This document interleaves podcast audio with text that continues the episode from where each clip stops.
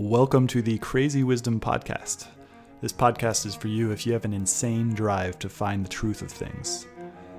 It's not the good answers that we seek, but the good questions. I interview a range of different guests from many different fields, all with the intention to uncover the simple truths that are hidden in plain sight. Most people don't want to go there. I go there. My guests go there, and you benefit. Please let me know if you enjoy these episodes, and as always, subscribe on iTunes, Spotify, or wherever you listen to the podcast. Welcome to the Crazy Wisdom Podcast. My guest today is Adam Chavez, and he is curious about everything with a passion for computers and technology, as well as a background in sales, uh, and all of that, plus a collision with the occult and the study of spiritual teachings. So, welcome to the show, Adam. Thanks, Stuart. Thanks for having me. Yeah, I love those two. Those two things fit. They they they don't fit together. So, which is fun. you mean technology and the occult? Yeah, they seem like opposite ends of the the universe, and I'm just curious about both of them. And so, They seem like that, but actually, with this show, I've done a lot of study into the founders of the early computing, and a lot of them were very, very involved with the occult, uh, including the guy who uh, what's uh, what's his name? Uh, the guy who died about a year ago, who was into Bitcoin, who talked about cutting off his balls if if Bitcoin didn't reach the price of a million dollars. Um, oh yeah, yeah. The- uh, John McAfee.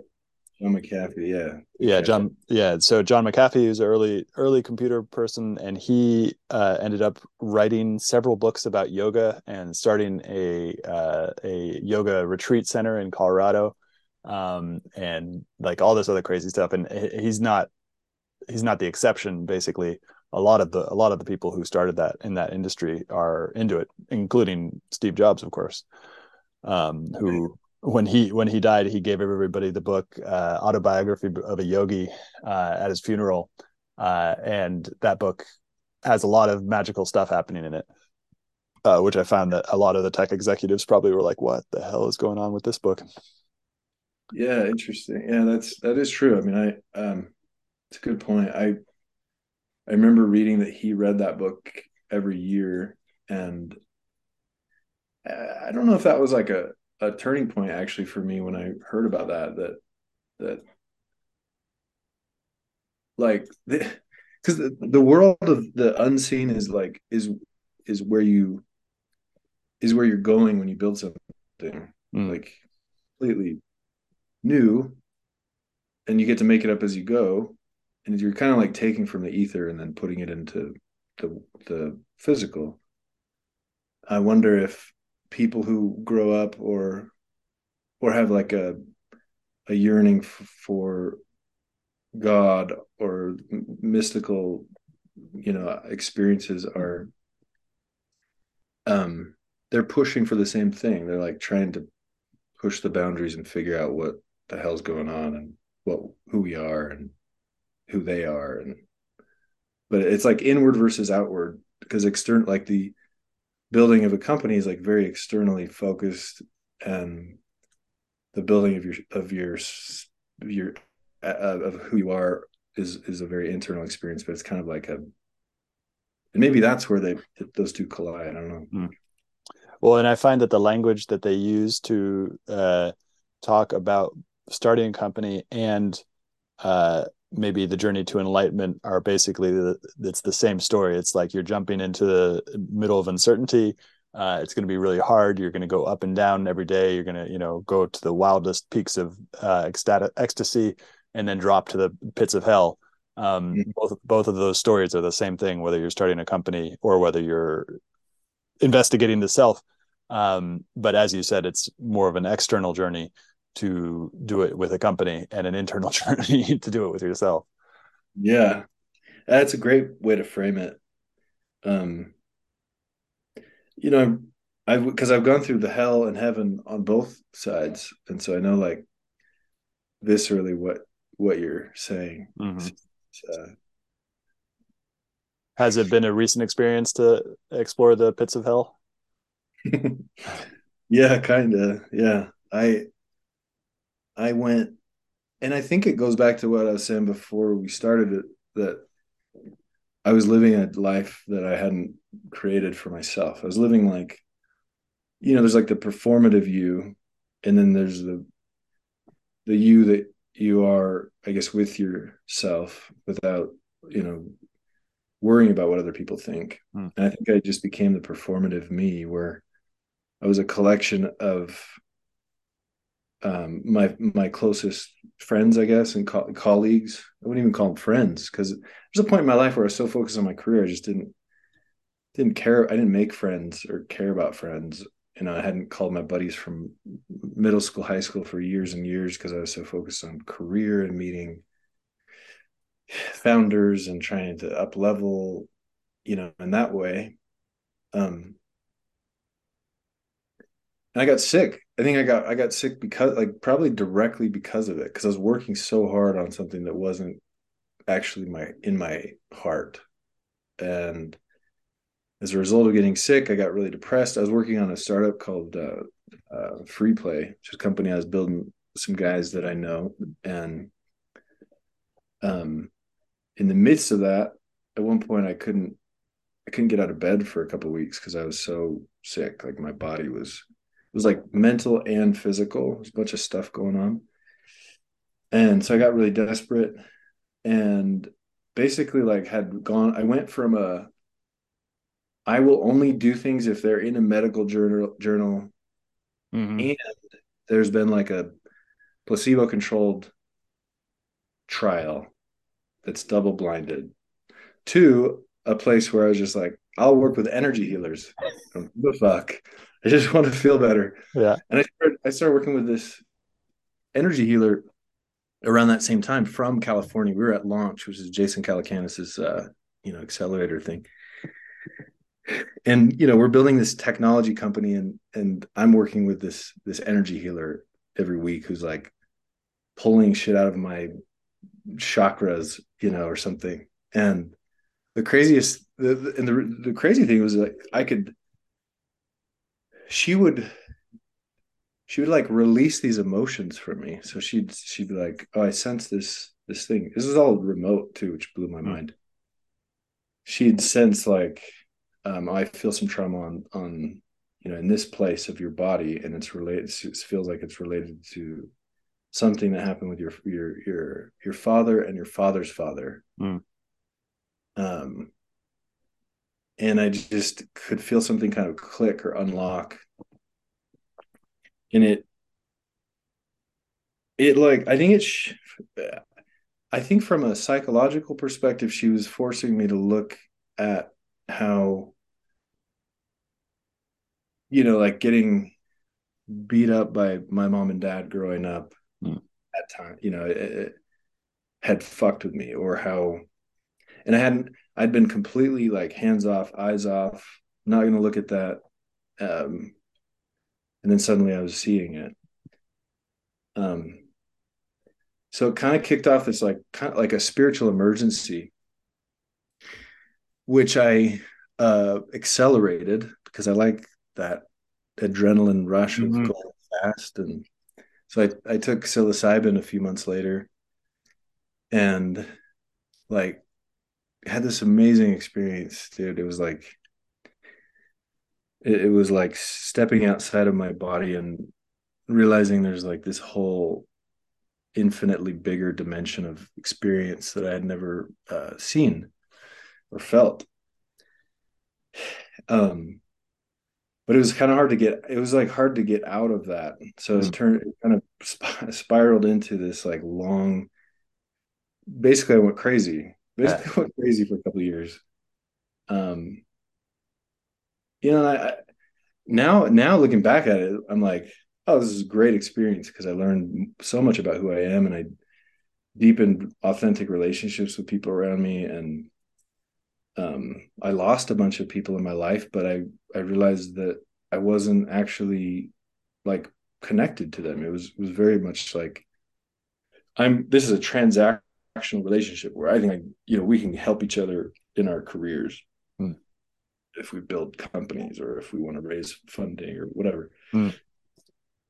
So, but in the but in the midst of it, it was excruciating. Yeah. It's just hard. It's like it's like a level of hell that I can't even I can't I can't describe it. Yeah. So.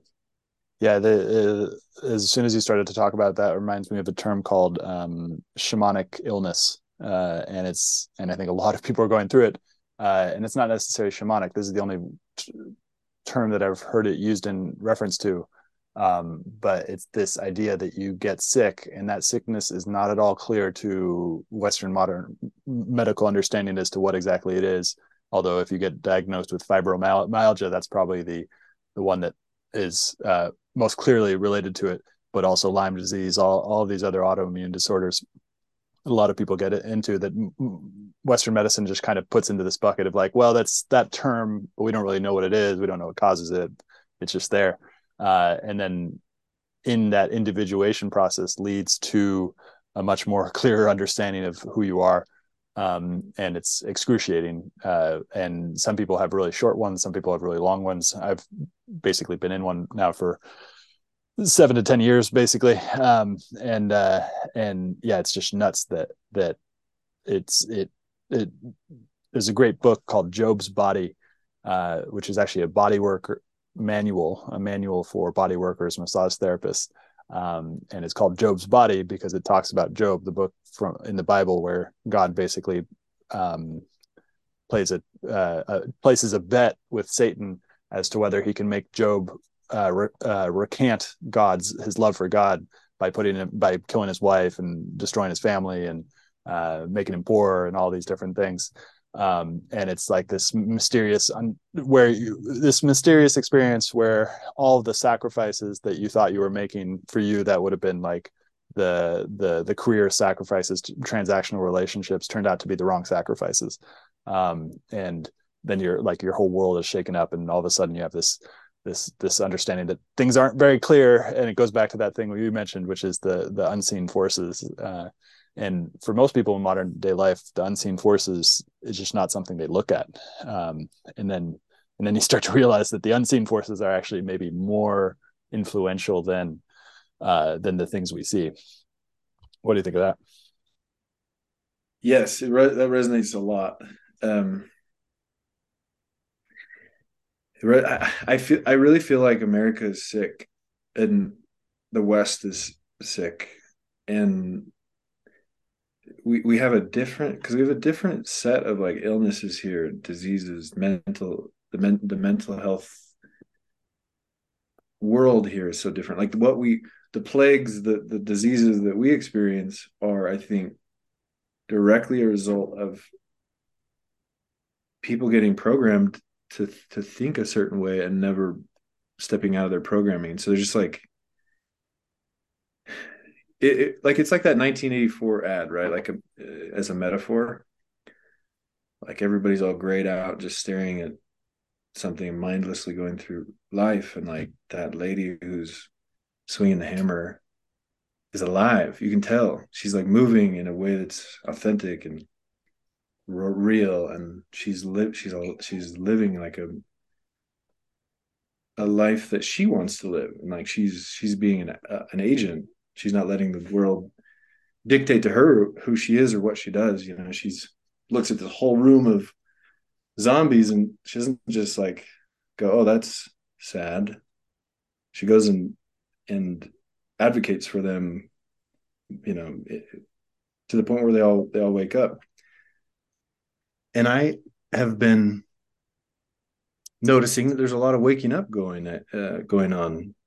Like I've got a in Utah, I don't know if this is how it is in other places, but in Utah, there's all these like men's circles and women's circles like popping up, which are these little communities of of people who get together and have real discussions about life and what's going on and like how how you're feeling and um a lot of hugs and there's a lot of like um talk of plant medicine experiences and there's a lot of camaraderie that comes out of it. I met I've met you know a few guys who I have over for dinner now pretty regularly and try and stay in touch with. And it's just like people are i think people are really hungry for authentic community and connection and um trad- traditional our, our traditional path in in this society i don't think is geared towards that mm. yeah it goes back to like the atomization of everything that's happened in the last like 60 60 to 70 years. Um and it's just so alienating.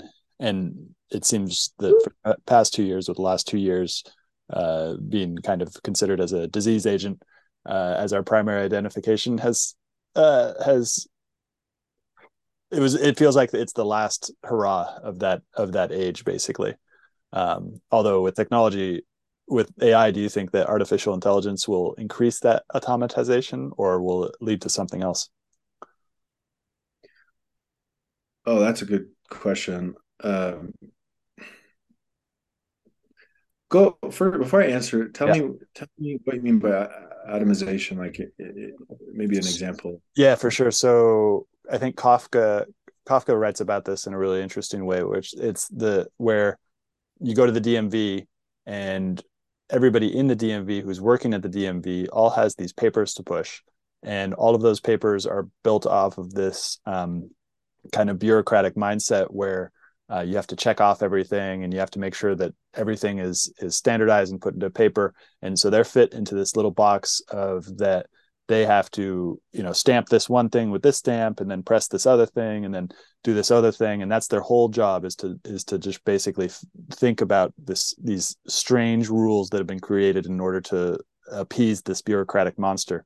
Uh, but then you yourself are also going to the DMV and have to get this strange um, registration or you know fix a fix it ticket or just all these random things that we we consider to be normal parts of everyday life. But if you go back 150 years 200 years ago it was totally without the realm of of human experience to to deal with these bureaucratic monsters these hydras and everything like that. And that's like you know if eh, you are in startups and traditionally startups are, aren't considered part of this because you have a lot more power to do a lot of different things and and actually take ownership of roles. But if you consider like the corporate american job of going in working for a telecom company uh, you're just serving these same bureaucratic strange goals and you get a couple hours of real work done but then there are the, these other you know social interactions have are defined not these people aren't really your friends, but they're kind of your coworkers, and yet and they're these power games that go on, and so just all sorts of strange things that change your humanity from some from this human individual to this uh, cog in this giant machine, which has these needs that are abstract and strange and kind of put you into this little atom uh, rather than a, a, human being who has good divine spark, basically. Yeah. Okay. Cool. That's that's yeah. It's helpful. You know, AI is interesting. Um, beyond AI is interesting too because, like, I look at my kids right, and they play Minecraft all the time. I love Minecraft. um, growing up, I played. I would say like the most popular game kids in in our generation played was probably like you know uh, Sonic and Street Fighter and uh-huh. um, there were the like there were the ultra geeky kids who played Civilization and other kind of like games that were that required you to actually build and think and and, and whatever which um, I was I found I found Civilization when I was like 16 I was just like oh my god this is amazing like so much funner than Street Fighter or whatever. But the kids like since the, since my kids were like four years old, five years old, they've been playing this this game that has like infinite. You can build an infinite amount of things. There's no instruction manual for what you can build. There's just like this endless canvas, and so my kids will be like, "Look, I built a roller coaster," or "Look, I built a secret hideout," or "I I built a farm. Look at all my farm animals," or I built this tower that goes up, you know, for for so so far that I when I jump off it, my character dies, and or, or whatever. Like there's this this generation's growing up a lot differently. In in some ways, it's like we've skipped a generation, maybe, um, or or or a couple, where before this was what people did in the real world growing up. Uh. you know, like, like they went around and fucked around and found out they they they they, they had these experiences with with physical things, and it created uh, generations of people that were resilient and um, creative and could um, could think in a way that was different. I feel like the whole gener this whole generation it has that has that in in them now again, but it's digital, so it's different. But I do think it's still exercising those same muscles and creating expectations of like, I'm not just going to be a consumer. I'm going to be a builder. Uh, like much more fun to be a builder, to like touch things, make things bend and, and move. And and they can do it in the privacy of their own home and they can just build that muscle. And I feel like that muscle in um, young kids is so much stronger than it is with our generation. And maybe you and me are weird because like we we probably did go and explore and experiment and fuck around in, in, in when we were younger. Um, but but a lot of kids I think were hovered over and you know that weren't allowed to explore. So that's that's interesting. And then a, where AI comes in, I think, is in getting rid of a lot of a lot of the stuff you mentioned, like that telecom job done by some um, accountant on the third floor of a fifty thousand person uh, office building, you know, with just those those cubicles everywhere, which are so depressing to like go into one of those companies. Like a lot of that work's probably going to be automated. A lot of that that simple that more simple um, drudgery kind of work, and I think it'll we will force a generation to be creative because it's the only thing that that will that they'll be able to do that's valuable once the gap between idea and execution is so small because of how much how much we can automate. So i think i think with those those two things i think are are, are powerful trends that will collide and create a um it's just an explosion of creativity in the culture. Yeah that's really interesting. Also that you mentioned minecraft right after we are talking about ai because uh, ai the current ais the generative algorithms are really good at, or can beat humans whenever there are rules to the uh, to the simulation that uh, they can always beat them. So chess, uh, Go, these things with kind of more rigid rules. But the one thing that AI cannot do is be dropped inside of mine, Minecraft and with a limitless freedom world understand what to actually do. So it it doesn't it's it's in, unable to compete with human beings at Minecraft uh, when there is no competition and it's pure creativity. Um, but then mm-hmm. The thing that you said about going into companies, I I wonder if like I agree that it, that will probably happen at some point down the line, but I wonder that the these giant bureaucracies, which in places like Colombia, but even in the United States, like the reason why the DMV is so complicated isn't because um, it needs to be complicated in order to get the job done that the DMV has. It's yeah. more complicated because they need to give these jobs to this administration so that they can create jobs basically. Um yeah. and like in you go to brazil and huge huge part of the population is brazil is is uh undertaken by by people who are who just needed to be given a job. Um and so i wonder that this bureaucratic hydra whether it will fight back against ai or even capture ai in order to create bullshit jobs uh somehow. Uh yeah that's that's a good point. Uh, uh I feel like gov- government's a whole other topic. Um, and governments in in their collision with technology have not like been affected very much uh. because uh, they they just don't they don't need to be and also how many there's like a what is it a million people or something or two million people work for the federal government i'll check right now something like that so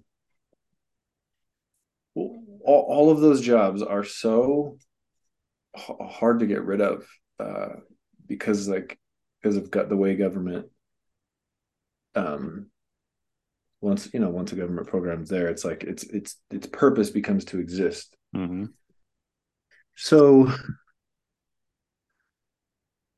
what does that do to ai i, I don't or what, what what is that how does that how is that affected by ai i don't know. I think um one thing i think that that we're seeing is that the the nation state is getting too it's, it's too it seems like too heavy of an institution given our given how much given the technology that we have.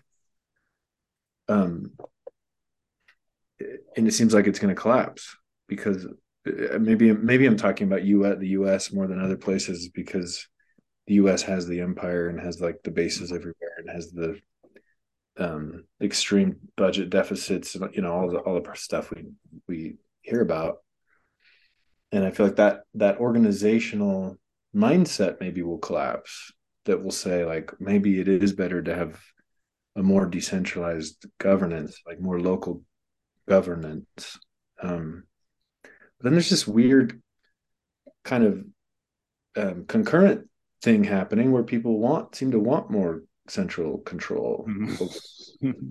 there's a whole wing of people that they're like super excited to do whatever the government says and like give the government lots and lots of power. And i don't think it's a democrat republican thing because i've both parties are um you know pushing the deficit up and just just spending money like drunken sailors or whatever. And and uh so yeah i don't know. It's weird. It's like this very very stark dichotomy right right now between the both the technology and the and the awareness of of maybe the the you know it's just better if things are smaller. There's easier they're easier to manage uh, if they're smaller. Um, versus the the there's a wing of people that that seem to just love central control for for some reason. I, I, maybe it's not that they love central control it's probably more that they just trust the government or, or institutions in general you know more than maybe they should. And maybe. it seems it seems like that um whether it's it's it's a real phenomenon or whether it's one that's been created in our virtual spaces uh, a lot of people think that we're kind of coming to an end of modernity and that we're entering an age of extreme um, scarcity.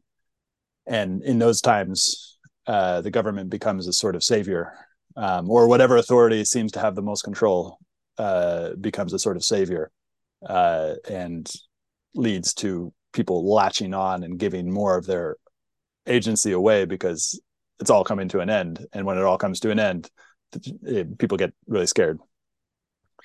Yeah. Right. Yeah it's a great great point. A very great point you know very strong point. Like and sometimes maybe that's that's a blind spot of mine because like i'm i'm not really affected by the economy.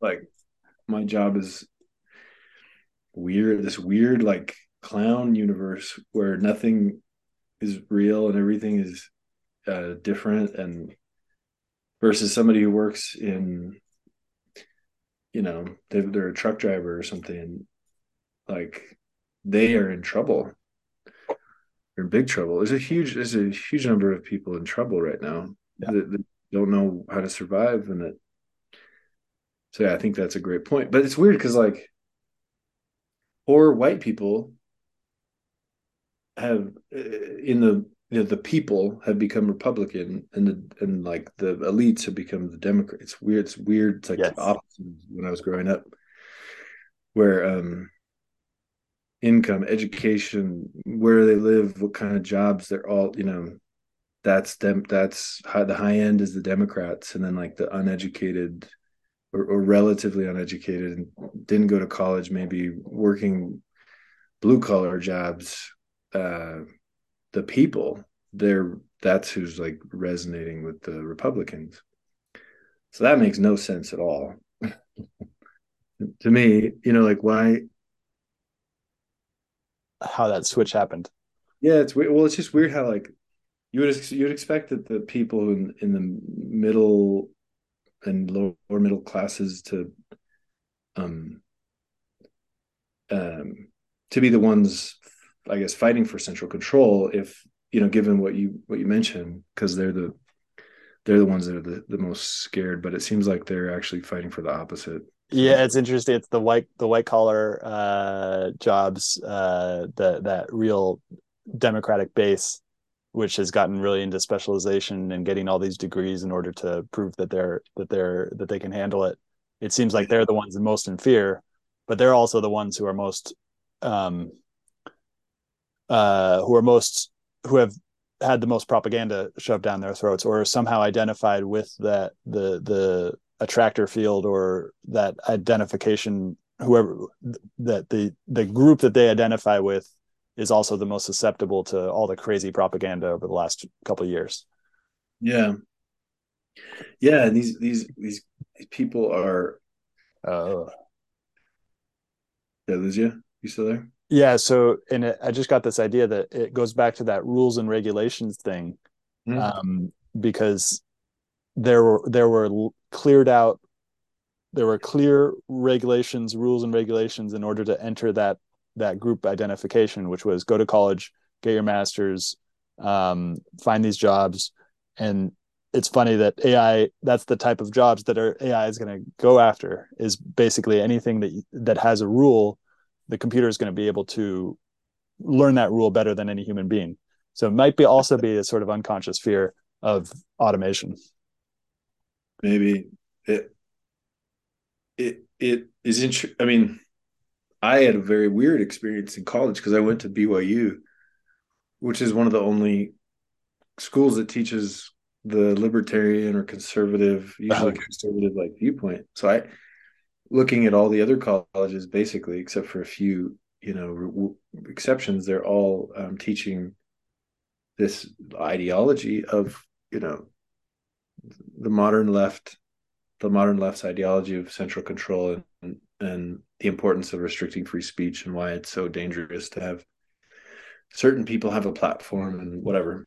Kind of like the completely anti what america has traditionally stood for and what typically i think the the left and the right have been more or less in you know united over some of these basic ideas. So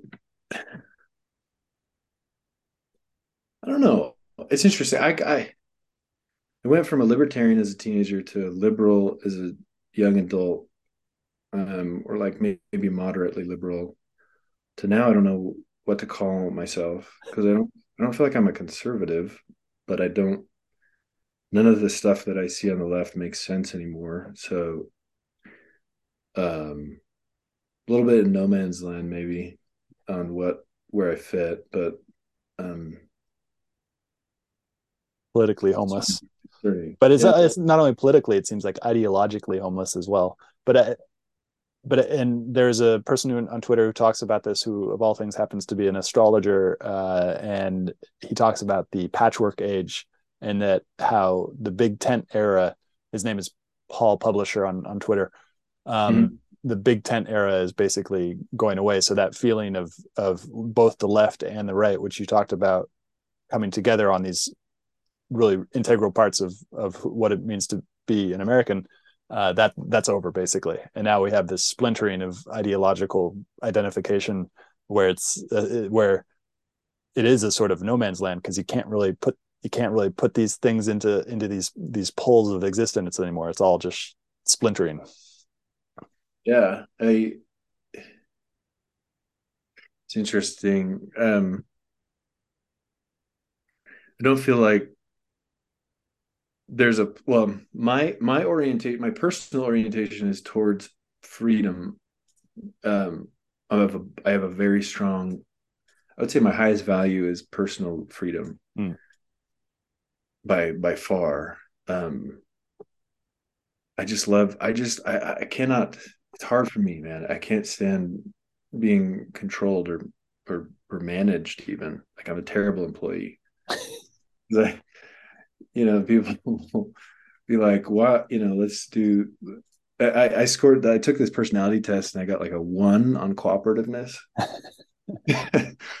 one out of a hundred. So that's, that's about how good I am at being an employee. And so that probably bleeds into like how I, you know, the rest of my, the way I think of the world and what's right and wrong and stuff. And, um, I believe that I have slaves in my, um, you know, my ancestry. My I have a little bit of African uh, ancestry and some Native American ancestry, and um, I don't know. So maybe it's partly genetic or something. That I just have this allergy to any kind of control, and but I'm not libertarian because I think libertarian ideas are crazy. Like at the, at the, a lot of the ideas in libertarianism are like very dogmatic and ideological too. Like the free market solves all problems, and you know, no matter what, we can't allow any other entity to solve a problem. There's never there's never a place for you know intelligent um, intelligent lawmaking. It's kind of like when I was when I was about 21, I worked with this group that was this libertarian group, sort of like a ragtag collection of writers and thinkers and and like media people who were trying this was back when Ron Paul was running for president and they were like trying to change the the mindset I think of of the people. Um I just I found it I found it sort of resonated but it was also like there were some extreme parts of it that I just could never wrap my head around and I eventually got like I kind of my pattern is I got dis I got kind of disaffected with it because I realized it wasn't the, the, panacea I thought it was. Mm-hmm. Then I moved to technology. I think after that, and said like, "Oh, technology is the panacea, the utopia, mm-hmm. the, the, you know the savior. That's what's gonna." And then I, few years into that, um, I started to go, "Oh, this is not. This has a lot of problems too." I'm like, yeah. There was this uto- there was this sort of I this this age of technology that was very um there's a lot of utopian thinking and a lot of like hand wavy like this this new internet thing will just solve everything and that it will be everything will be good that comes out of it and you know somehow it'll all work out and google had this motto of don't be evil and it just seemed like like i'm with the good guys you yeah. know we're world better and we're changing the world but the the subtext of changing the world was was automatically good but then we realized that it wasn't yeah exactly now it's like Google changed the world. Google did change the world, but you know, and so did Facebook and and some others, but not maybe in the way that I had envisioned. So. Yeah. Well, this this is, I think, what you were talking about earlier about libertarianism not filling that hole either. And maybe that's where we're ending. Maybe I, I think it's probably a, at least more realistic, if not a really good sign, that all of these ideologies for a certain amount of people, a certain percentage of people are no longer fulfilling that hole. Whereas for the last 200, 300 years, you had this like back and forth between, uh, what is it, rationalism and romanticism. And, you know, it just, it swings back and forth. Uh, and be like, oh, okay, like the same thing that went on with you finding these new panaceas uh, happened in the global culture as well where like okay no we're, we've got you know fascism fascism is going to be the thing that really gets us back and and then he goes oh no we're going to go to communism and communism will be the thing that will and now and now it feels like all of it's just empty it doesn't none of it's going to even this thing technology which was supposed to be this neutral good that was going to save us all from all these crazy scarcity problems we're about to feel because it's done so such a good job over that the last 50 years. Even that thing no longer fills that hole. And what do we have left? Emptiness. Like but maybe that's more realistic that none of it is actually going to we're going to have these problems for a long time like and there is no solution to a lot of them maybe i wonder if these are spe- problems that are specific to people who grew up in abrahamic religion or abrahamic culture uh, i wonder if pre-abrahamic mm. pre-abrahamic mind wasn't so dependent on a savior because it seems like everything in mm. Judaism like is looking towards you know a savior and Christianity is looking towards a savior and Islam even looks at you know Muhammad and you know he's gonna I think Muhammad is gonna return and they also believe in Jesus. I don't I'm not so don't take my word on that. I'm not as familiar with Islam, but but there but I want because the gods of the ancient world were so much more human. Like they were, they they were very messy. you know, and you could relate to them because you're like, oh, like even God has like issues. Even even like Thor fucks around or whatever your gods are, your pantheon. So I wonder if there wasn't as much of a savior complex in the society because people were more grounded in the the messiness of life. I don't know. Yeah. And that might be the thing that we're learning in terms of a like because I my personal interpretation of faith and spirituality is that there is a God, but any idea that I have about God is no not God, but a strange reflection created by my ego, and that this idea that maybe that maybe we're going through this process in terms of this Abraham Abrahamic thing where we are finding out that a lot of the things that the nihilists talked about might have been accurate, but it's not so simple like they talked about either. That there is a sort of underlying divinity to things, uh, even though the world is often meaningless. Um, but I don't know. What do you think about that? I think I don't know if this is directly answering your question, but I, I think that civilization doesn't doesn't last very long without a hmm. without a um a spiritual dimension to it that is you know looked at as just being just as important as anything else because like civil it seems like civilizations used to last longer. Hmm. like egypt or kemet as they called it that lasted for thousands of years. And the cult the society was oriented around um, trying to explore the afterlife and and attain eternal life. And you know the, the the, the crazy stuff they built the pyramids and the, the sphinx and these beautiful monuments and the the civilization that they built i don't think has been matched since and you know, but the Greek, I feel like the Greeks and the Romans were like, they were a, they were like a copy of that that didn't, it was like a lower fidelity copy. So mm-hmm. it didn't last as long. And then now we're in like an even lower fidelity copy without, we've separated church and state because we, we didn't want to centralize power, but which I think is wise, but we've also gutted the meaning of everything from the culture. Um, so I, I, it's interesting. Like I, I know, um,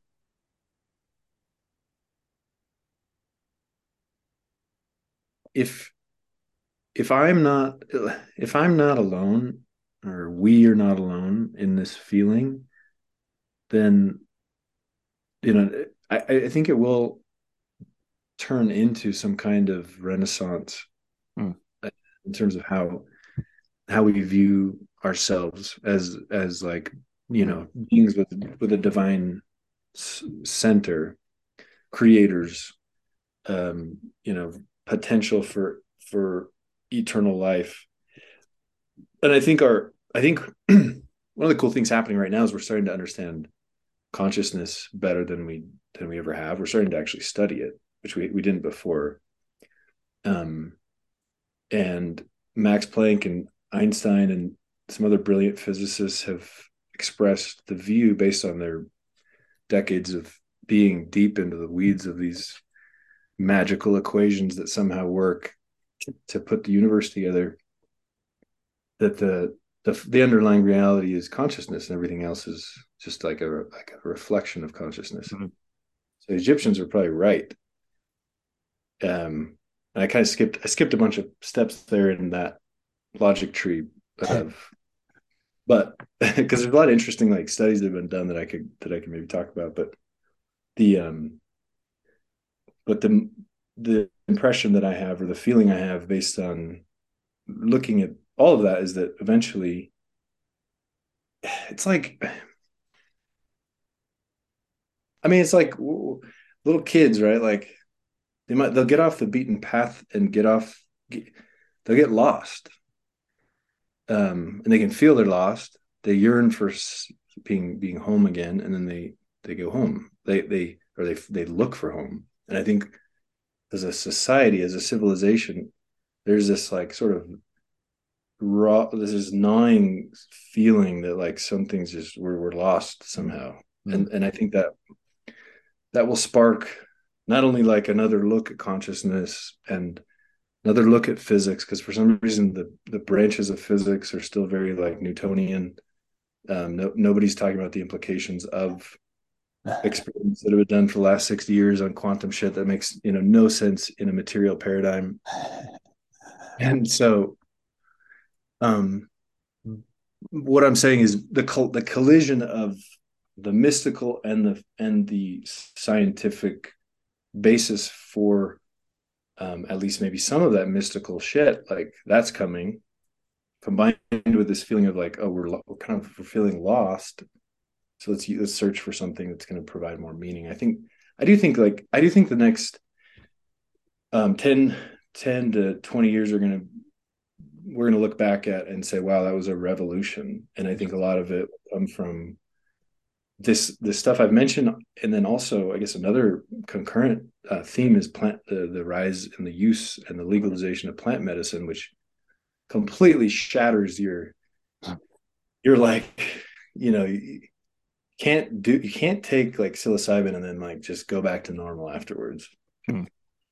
You know, it's I feel like it's a for a lot of people that I know, it's a permanent shift in how they view the world, and it's a permanent um you know, it strips you of atheism because you're like, okay, something's going on here. I don't know what it is, but it's it's bigger than me. and like when I step into that plane of awareness, it's like, okay, um, I want I I want to I want to be familiar with this realm because it's because now I have like I've touched it, I've tasted it. So yeah, yeah a lot of interesting trends colliding i think and, and so even though things seem very dark right now i do feel like we're kind of we're in this weird weird like transition phase where where where we are break we are being broken down as a society so that we can build something better. And it's that same thing we were discussing in the beginning of the show where it's that where we have the personal dark night of the soul uh, so that we can be cleared away of this sort of uh, old rigidities of thought and belief and and then but that's but it's we're going through it on a civilizational scale scale. Yeah which is which is always that's you know it's a trip man. Like 2020 everybody had a shitty year yeah. right? How does that happen?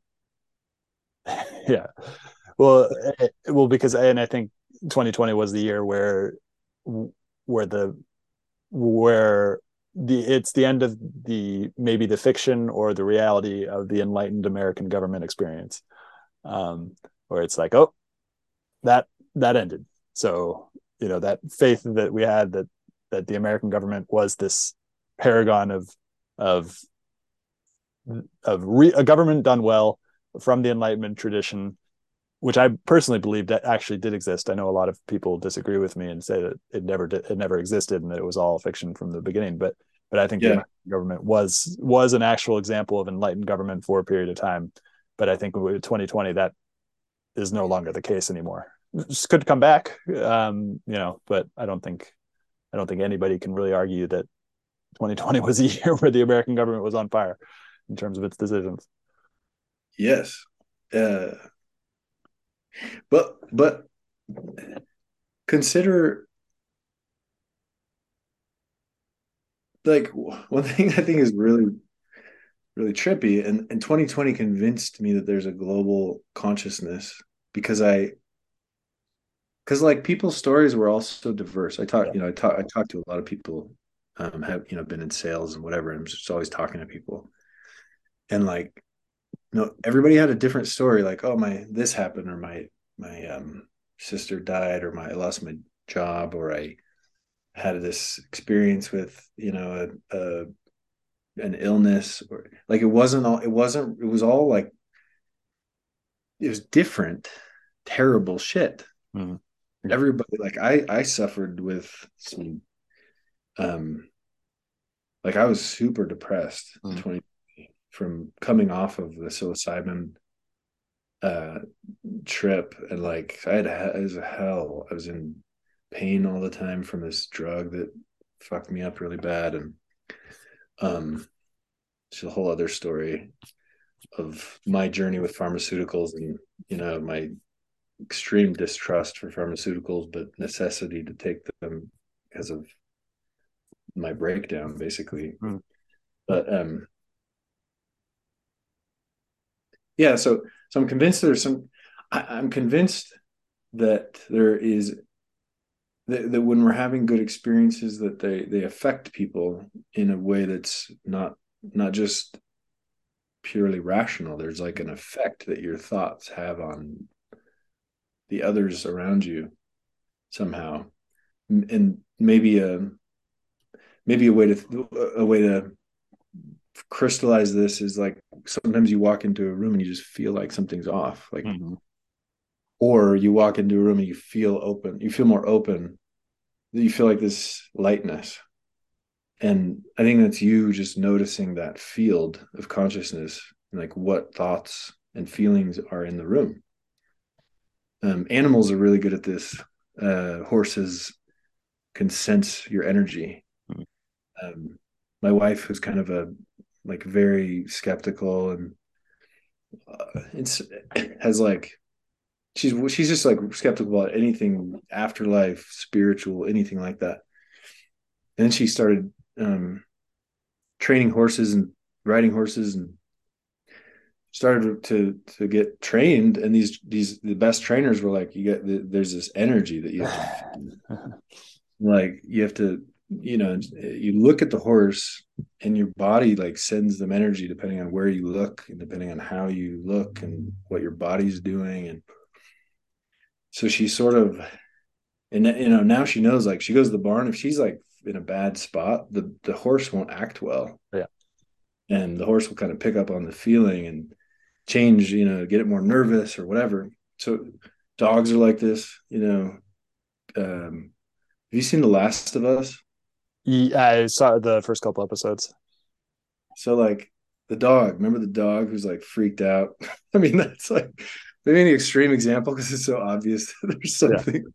really horribly wrong in this kitchen uh with like the lady eating her son or whatever. Yeah. But um you know that that's that's an extreme example but dogs are really good at picking up on this stuff. They can sense things. That you know hear stories about dogs barking when there's an earthquake right before an earthquake hits and and so there's there's just it would be ignorant i think to to say with a straight face that materialism is an accurate you know way of viewing the world that mm-hmm. like everything's just physical there's no there's no there's no field there's no energetic field like it's all just you know just what, what you, what, you yeah. see is what you get yeah exactly. Yeah. Yeah uh, i think a good term for what you're talking about is an attractor field and it, the term attractor is from mathematics um, talks about a set of states towards which a system tends to evolve or like the zeitgeist or anything like that. It's like this the the the that that spirit or that energy is of something so complex that your brain can't really model it or think about it in any way that's sort of reflective at all uh, so there's just this zeitgeist or this feeling that you have towards this thing um, yeah yeah interesting i'll have to look that up i haven't heard that before the yeah. track uh, a person who talks a lot about it in terms of his teachings, spiritual teachings, is David Hawkins, um, and he okay. talks. Yeah. Well, cool. So we got a couple more minutes left. Um, something you said earlier about scientists shying away from discussing the implications of quantum mechanics uh, yeah. i thought was really interesting because all the new age spiritual stuff they don't shy away whatsoever from talking about the implications of quantum mechanics um, yeah. but the the scientists themselves and i think science has become sort of rigid uh, because they can't think about things outside of the material plane what do you what do you think about that whole thing yeah that's a good that's a good question. Um yeah it's it's it's weird when everything's like upside down. Because the people in the new age world are supposed to be the ones that are like way out on in in left field don't make sense they're not right they're just crazy or something and then the main the the main like the scientists the ones who are who have the authority given to them by the culture are supposed to be the ones that know what's going on. And like it's the opposite. And i'm not saying everything new age people believe is true. I'm just saying like for mm. some you know for some um people who are new age or people who are open to that off, almost always are that way because of personal experiences they've had that have shown them that there's another plane of reality they didn't they, they can't see with their eyes mm. so they've had um they've had they there's something about them that makes them more open to that world they're more connected to their to their animal side or something you know they're they're more like like horses were yeah. In their in their orientation toward that that unseen world. And so they kind of intuitively are like yeah something's going on here like that's bigger than me. There's some kind of field like i can i can actually feel it. Like i can you know better than better than most. Like i i have i have i have a for some reason i have a sensitivity to it. So a scientist comes around and says like oh yeah like what you're what what's happening is that your consciousness is coming from a quantum field that somehow that one energy source uh it, it powers the universe. It's like which doesn't make sense that the whole universe is powered by like a single um, energy source.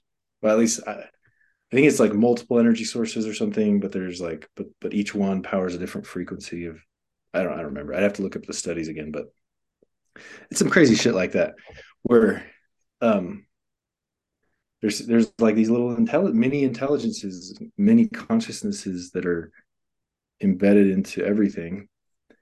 Um, and there's an even more trippy idea of the holofractal theory, which is um and, I have no idea how this works because I'm not a physicist. I have no idea how physicists come up with these equations and like I don't know, they blow my mind. I don't know.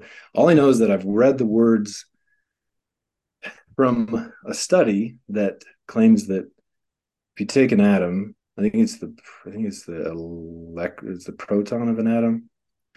The proton of an atom um somehow the mass of the proton of an atom equals the mass of the entire universe and like which, which suggests that there's like a wormhole connecting every atom to the entire universe kind of like the indra's net which is this ancient hindu tradition that says that there's this the universe is made out of an infinite net made out of jewels and each jewel has the hole in it somehow and it's this like crazy way to visualize things that seems like it's actually true, which is so insane that there's like no maybe the reason it hasn't caught on is just because it's like so it doesn't make sense to us. It doesn't make sense to our brains. Like it if you tell me that, you know, a force in motion will continue in more motion, I can like visualize it. I can see a rock going down a hill or something.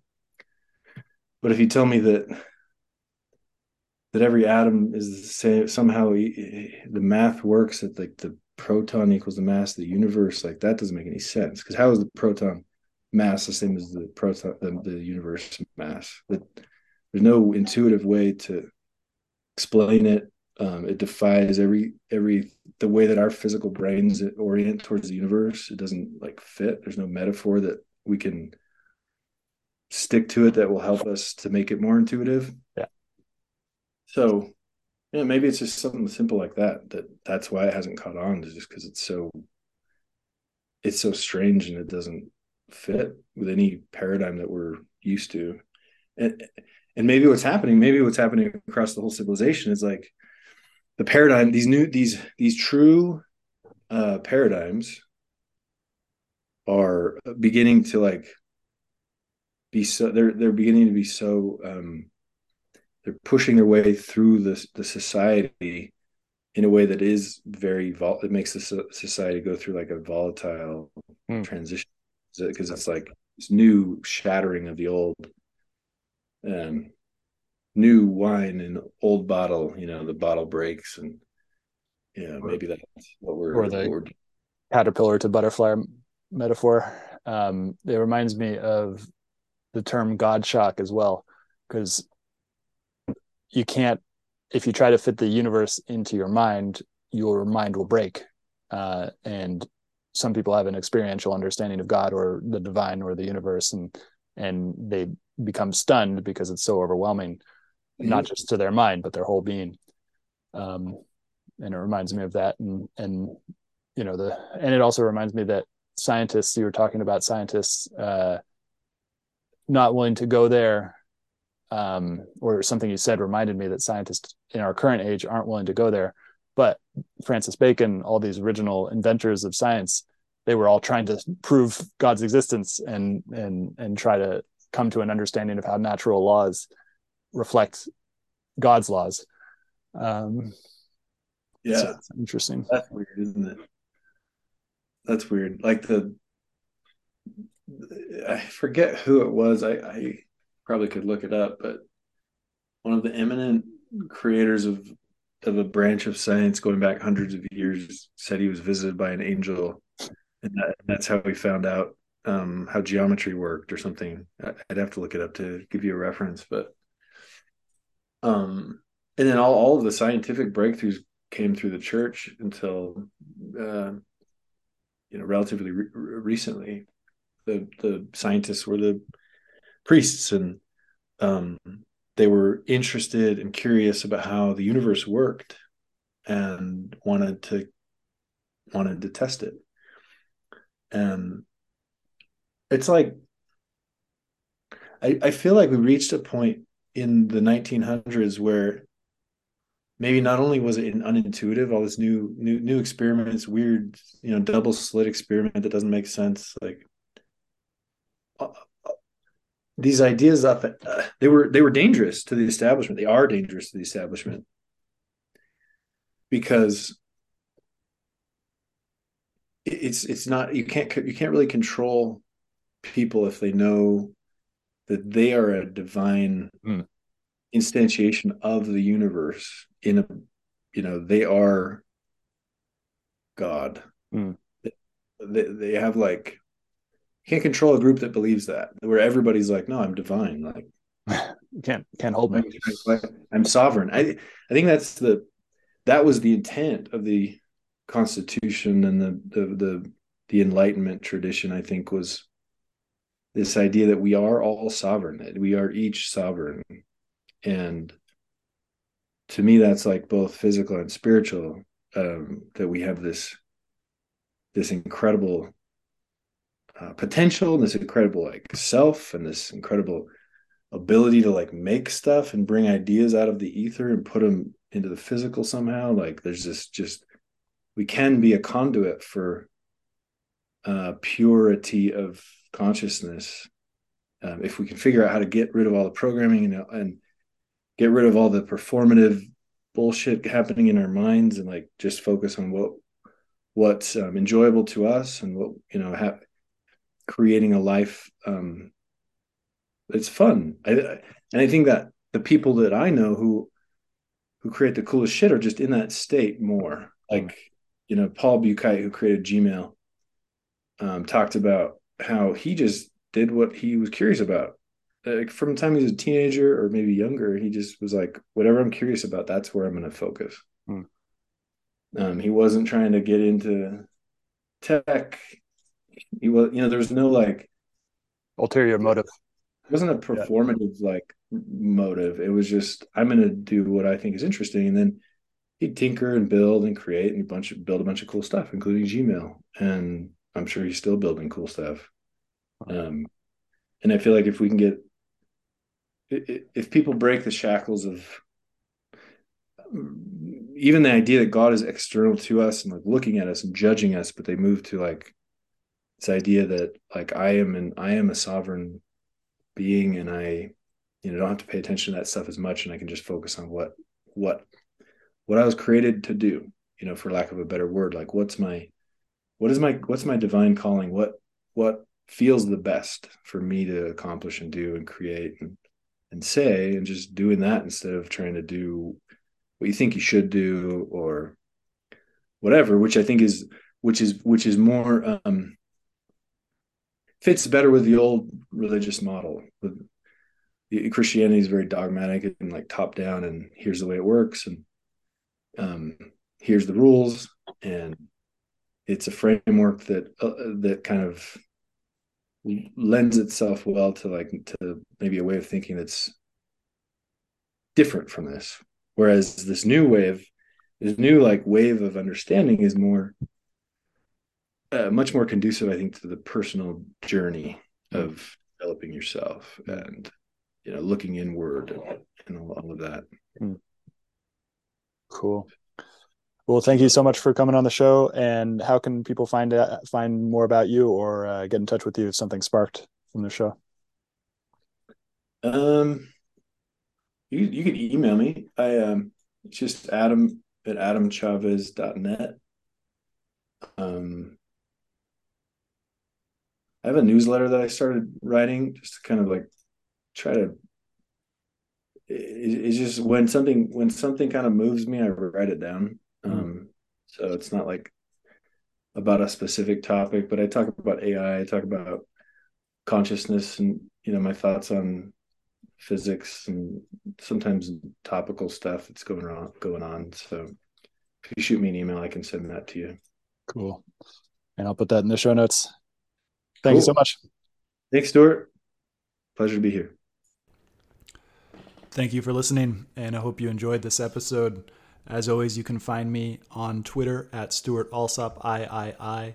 Also, don't forget to subscribe on Spotify or iTunes for every weekly episode that I publish on Monday mornings. Hope you have a great day.